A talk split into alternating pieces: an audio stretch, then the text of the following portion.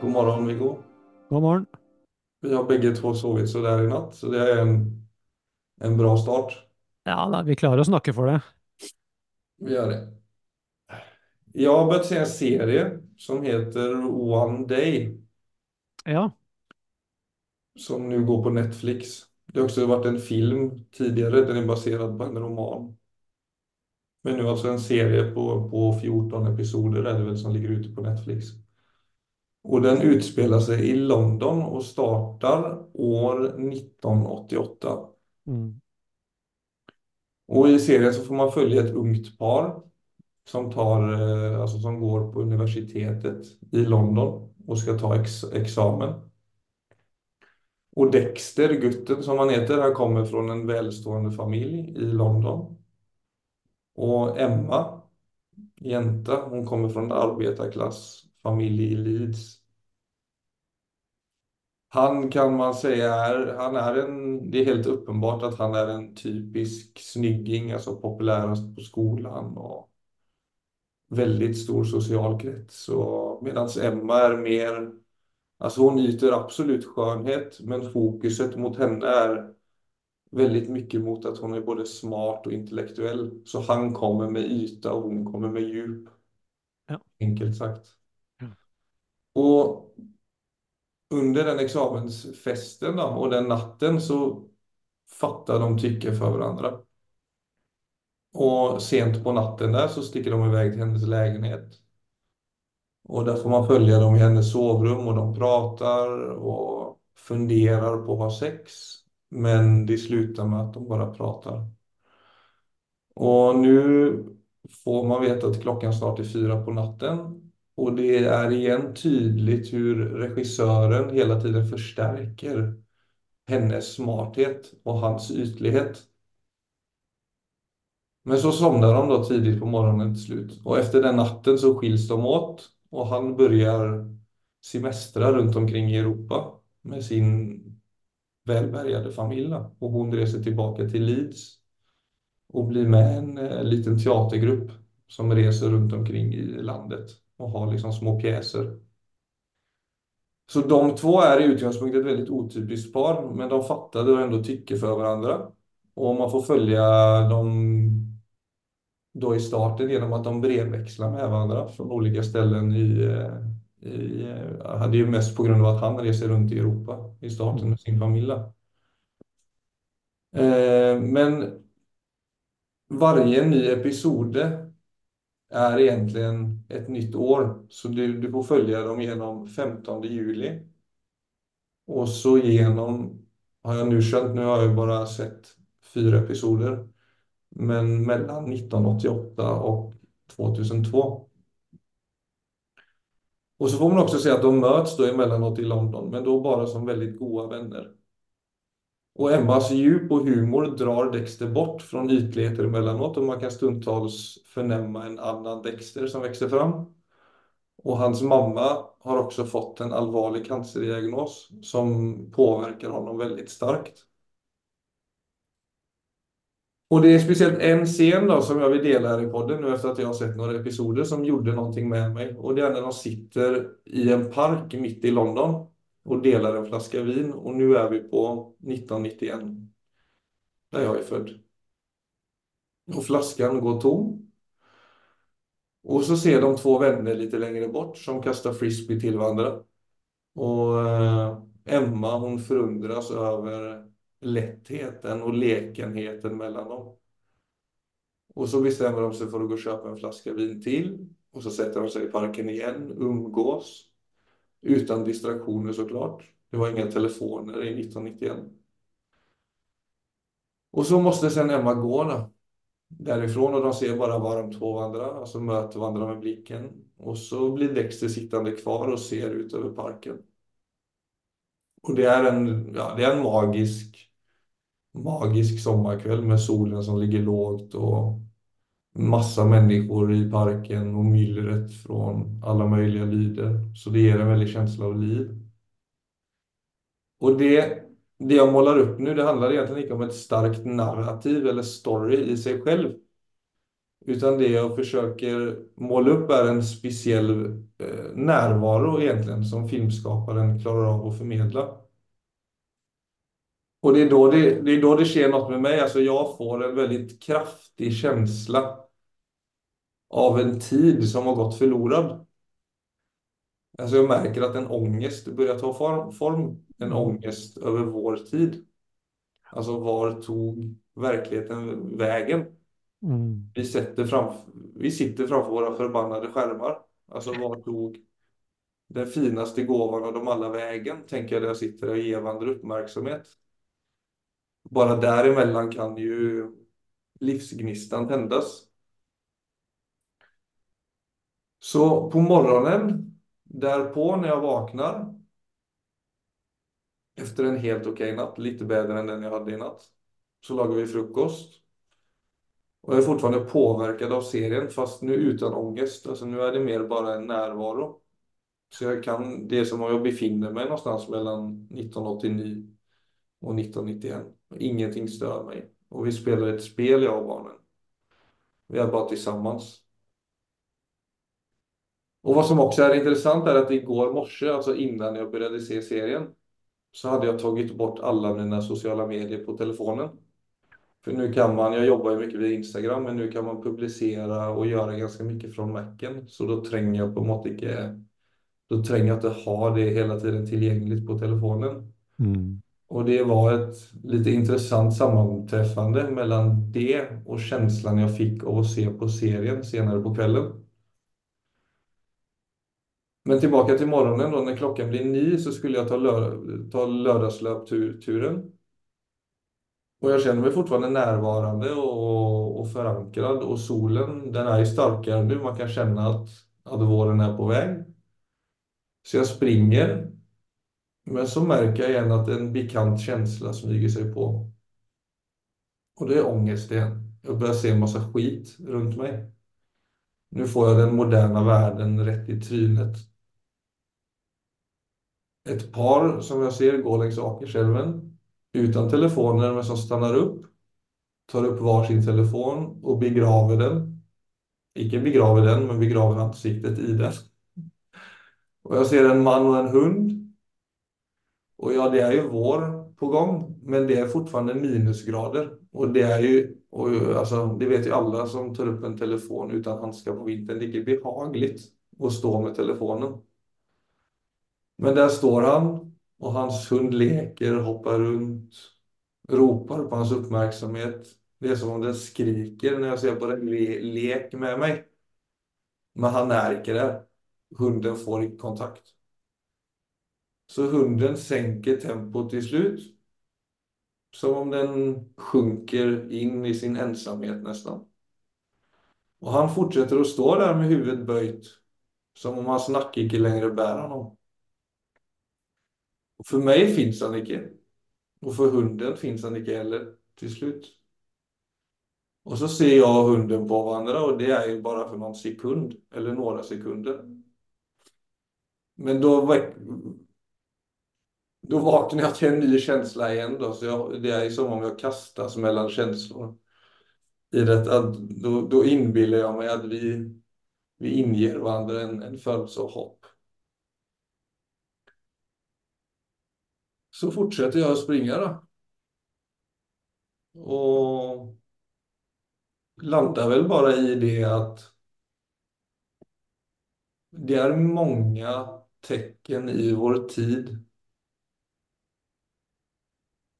som kan ge en krypande ångest. Alltså vi, jag tänker om man bara ska stoppa lite om skärm och skärmtid så är det en större bevissthet runt det. Men jag upplever att det blir värre och värre och värre.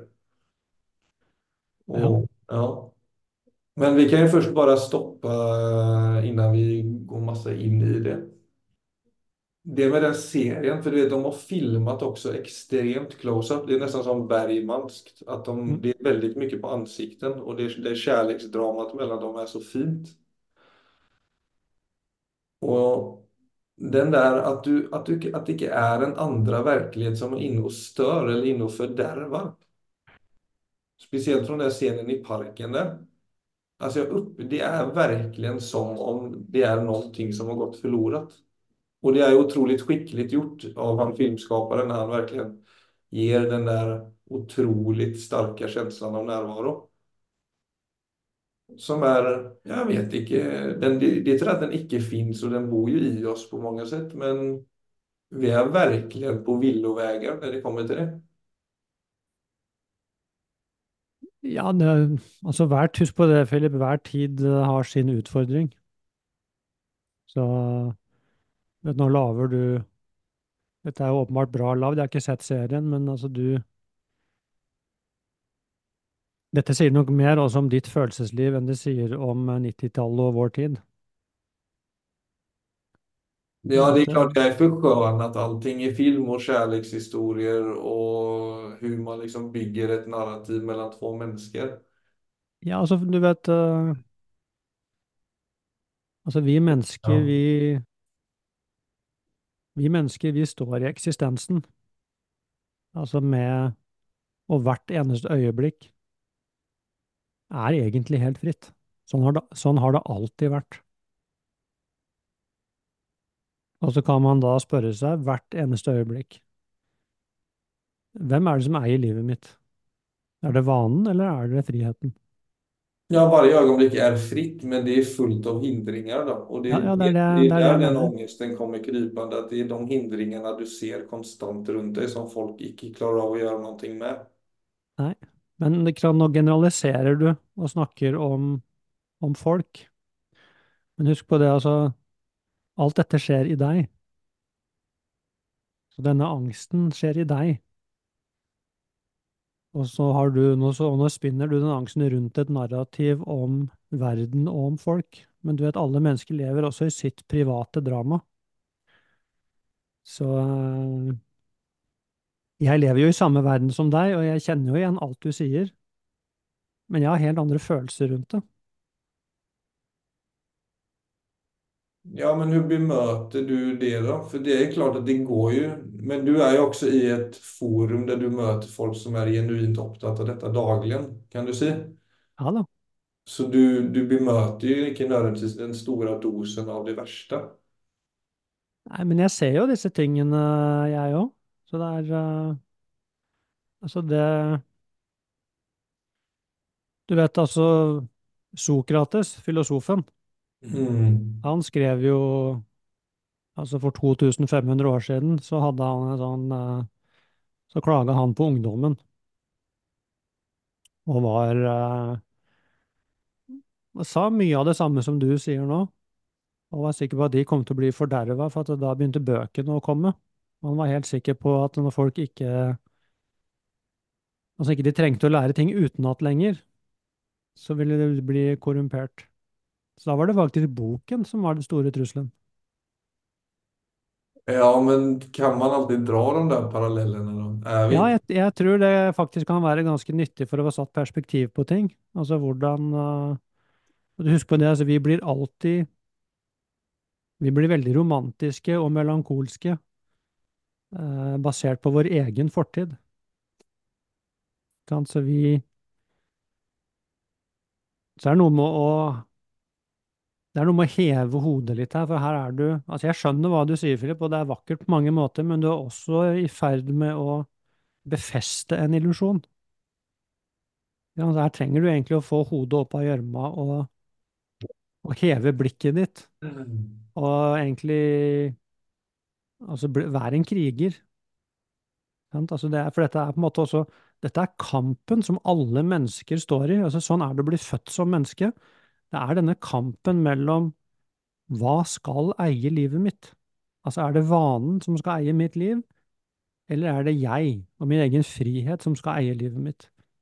Og det våkner vi til hver eneste morgen. Det kan godt hende det at når du ser deg rundt, at det virker som om det er vanen som stort sett vinner den kampen. Men altså den muligheten for å våkne opp til seg selv, og til å leve et liv, og til å finne dyp mening, og egentlig en Altså en joy over å være levende, som er urokkelig. Den muligheten fins. Den fins alltid, til alle tider. Og den fins også i dag, selv om det er folk snart går rundt med sånne skjermer, ikke bare en telefon, men rett og slett sånne briller. Så er den muligheten fortsatt. Altså den muligheten ligger i menneskenaturen. Og mange av de som, altså som står med hodet ned i mobiltelefonen i dag, du vet ikke når de plutselig våkner opp. Nej, men du har ju en väldigt inneboende ljus framtids... Jag vill inte säga tro eller hopp, men du bottnar ju väldigt i det att innerst inne så kommer vi kunna gräva fram det som leder oss mot någonting gott då, människor. Ja. Men hur, för det är det som är så, så som den trenden idag då. Med både skärm och nyhetsbilden som ju är milt sagt brutalt och blir ju faktiskt värre och värre. Mm. Tråkigt nog. Vad, vad för vad gör det med din liksom innersta övertygelse? Det gjør ingenting med min innerste eh, overbevisning. For at den eh, Altså, jeg vet at den muligheten bor i mennesket. Mm. Altså at eh, Så livet er Altså, det er eh, Det ligger en dyp hemmelighet i å være levende. Og det å begynne å utforske hva et liv er. Og det spiller ingen rolle egentlig om det er krig eller fred, så er den muligheten der. Så krig, for eksempel, det vil jo stort sett bringe fram både det verste og det beste i mennesker. Så det er sånne Det har alltid vært krig til, eh, til alle tider. Det er noe med den å man må jo ta den helt ut. så lenge det er liv i meg, uansett hva som skjer, så skal jeg bidra så godt jeg kan. Altså, det er den Jeg kan ikke legge så Det å gå for langt inn i disse Tenk om det blir krig, tenk om det blir ditt, tenk om det blir datt. Altså det er Jeg opplever at det er veldig ufruktbart. Ja, för det är ju, alltså det jag på en måte också som du säger, ja, jag kanske målar upp det, alltså att man skönhetsmålar det och gör det vackert och vidrigt på samma gång. Men att det är en sån dystopisk eh, inställning idag då. För att jag, Ja, og den, og den jo også förståeligt veldig nog, jo men det är förståeligt nog också för att jag är så, alltså det jag kan tycka är, eller som jag tror är en sån, eh, eh, att man blir lite lamslått av en ångest idag då, är att det är på så stort plan. Alltså det är på något inte fotsoldater som står och skjuter ner varandra på marken längre bara. Nu är det så, det är så våldsamma konsekvenser om det sker eh, storkrig till exempel. Alltså, Ja, selvfølgelig. selvfølgelig. Altså det, men, men altså det er der Altså nummer én, Philip, tror jeg det er viktig der å Altså si, Det kan godt hende både du og barna dine skal leve livene deres uten å oppleve krig. Det er jo, det er jo til og med kanskje det mest sannsynlige. mm, Ikke sant? Så det er noe med hvor virkelig dette blir når vi begynner å tenke på det. Og det å altså Apropos tilstedeværelse, det å se Er det krig nå? Hvilken virkelighet er det jeg lever i akkurat nå? Og hvis du kikker rundt deg, ikke sant, så, så lever du i en nydelig del av Oslo hva som er så barnevennlig at det er helt latterlig. Kunne vært en Disney-film. Du har tre sunne barn og en nydelig kone. Eh, Du kan gå ut i skogen og løpe. altså er på en måte sånn, Hvordan er livet mitt faktisk? Det er jo en drøm. ja, med folk som inte ser på varandra men ner i en skärm. Ja, men du ser jo på, ikke sant? Altså, så, så du er jo klar over dette. Så dette er jo ikke din virkelighet. Nej då. Og, og de som har hodet i skjermen, de, de opplever at det er helt eh, ålreit, ellers så ville de ikke gjort det. Så kanskje det kommer en dag hvor de ser at det er dårlig bruk av et menneskeliv, og så vil de legge bort telefonen og begynne å oppdage nye ting. Og sånn utfolder livet seg, og sånn, sånn har det alltid gjort det. Så i dag er det teknologien kanskje, og ikke minst altså den derre eh, altså vanvittige narrativet som hele tiden nå surrer og går i media. Det er også noe med å vilket narrativ? Ja, du menar med oroligheterna i världen? Ja, som eh, alltså igen så är det något med att börja reflektera lite över vad det som sker egentligen, att vi får detta in på sovrummet vårt hela tiden. För att livet har alltid varit, eh, alltså till alla tider, om man hade haft mobiltelefon och fått egentligen allt det värsta som skedde i världen rätt in i, i hjärnan man satt på do, så, så vil det alltid vært en dystopisk virkelighet. Så det er noe med å heve blikket litt der og se at eksistensen er så uendelig mye mer enn det som er på den feeden. Og egentlig, altså, det er noe med å ta tilbake Jeg tar tilbake retten til å leve mitt liv. Jeg tar tilbake retten til å gå ut og oppdage altså den levende naturen som er rett på utsida av huset mitt. Jeg tar retten til å finne ut hva det er å være et menneske og stå overfor eksistensen. Og jeg tar retten til å finne ut hva kjærlighet er. Til å finne ut hva frihet er. Til å bruke, være en kriger og bruke et liv. Mm. Og, og, skulle det bli krig, så vil jeg fortsatt ta meg retten til å fokusere på kjærlighet og frihet. Så det er på en måte, det, altså det er jo det eksistensielle valget vi har. Det valget har vi uansett. Og hvis noen dreper meg for det, så vil jeg si ok, so be it. Det var en god død. Altså Man må ta den helt ut innimellom og se hva skal definere livet mitt? Med alle disse ytre kreftene som egentlig prøver å som lammer oss på en måte.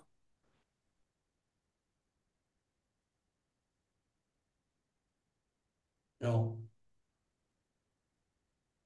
Ja, man prøver liksom å finne en løsning oppi huet, men det er Ja, det er akkurat det. ikke en løsning. Løsningen er egentlig hva er det som eier livet ditt i dette øyeblikket? Og, og, og så det kan jeg velge selv. Men det er litt sånn, så som innan korona, da, at man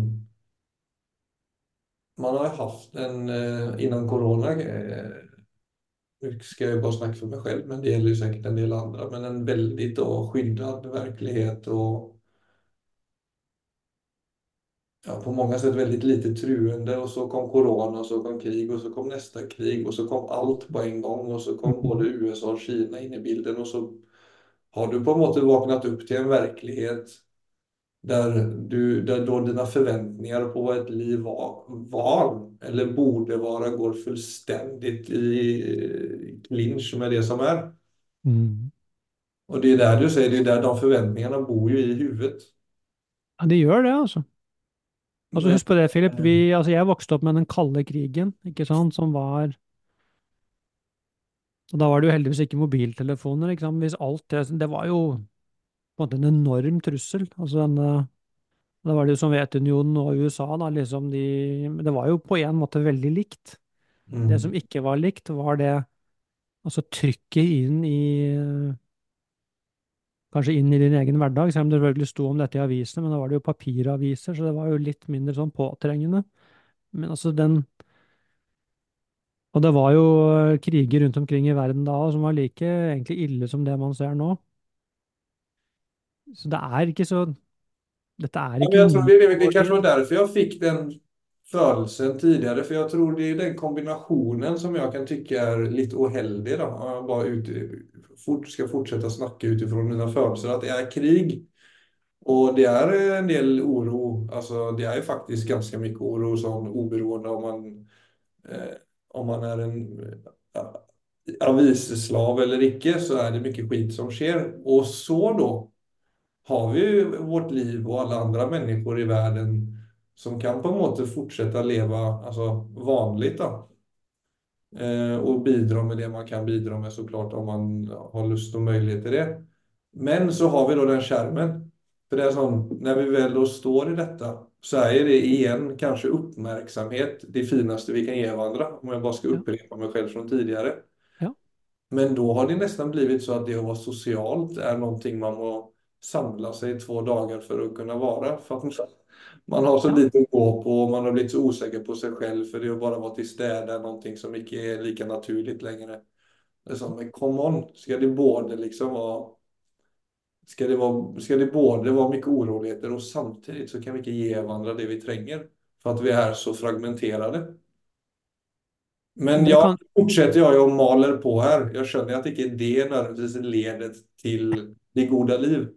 Nei, da ville jeg heller sett, Philip, for at dette er viktig for deg, da ville jeg, ville jeg heller sett på muligheten til å si Altså, mitt ettermæle skal bli Jeg var den som gjorde en endring der.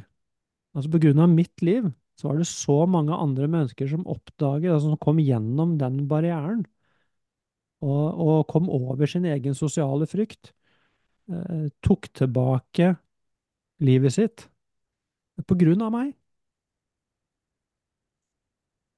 Ja, det är fint. Ja, det er fint. Det kan du, og det gjør du jo også ved denne podden, ikke sant? Altså det er jo sånne drypp for å sette dette på dagsorden og inspirere til å bruke livet på en annen måte enn bare å sove.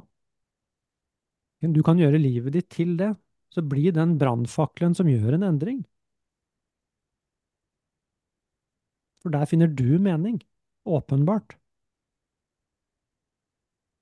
Det kan du gjøre. Ja, Og det kommer til å kreve alt du har av, av krefter. Og det er det et liv skal gjøre. Ja, kanske jag ska uppdatera oss i podden på hur det går framöver. Jag gillar den eh, tillnärmningen. Ja, det er på en måte det vi har, men det er ikke så lite. Ja, nu är det en annan tid som springer iväg ifrån oss här Viggo, så ska vi säga att det var det vi... Ja, det var det vi rakk for i dag. Tack för idag. Ok, i like måte.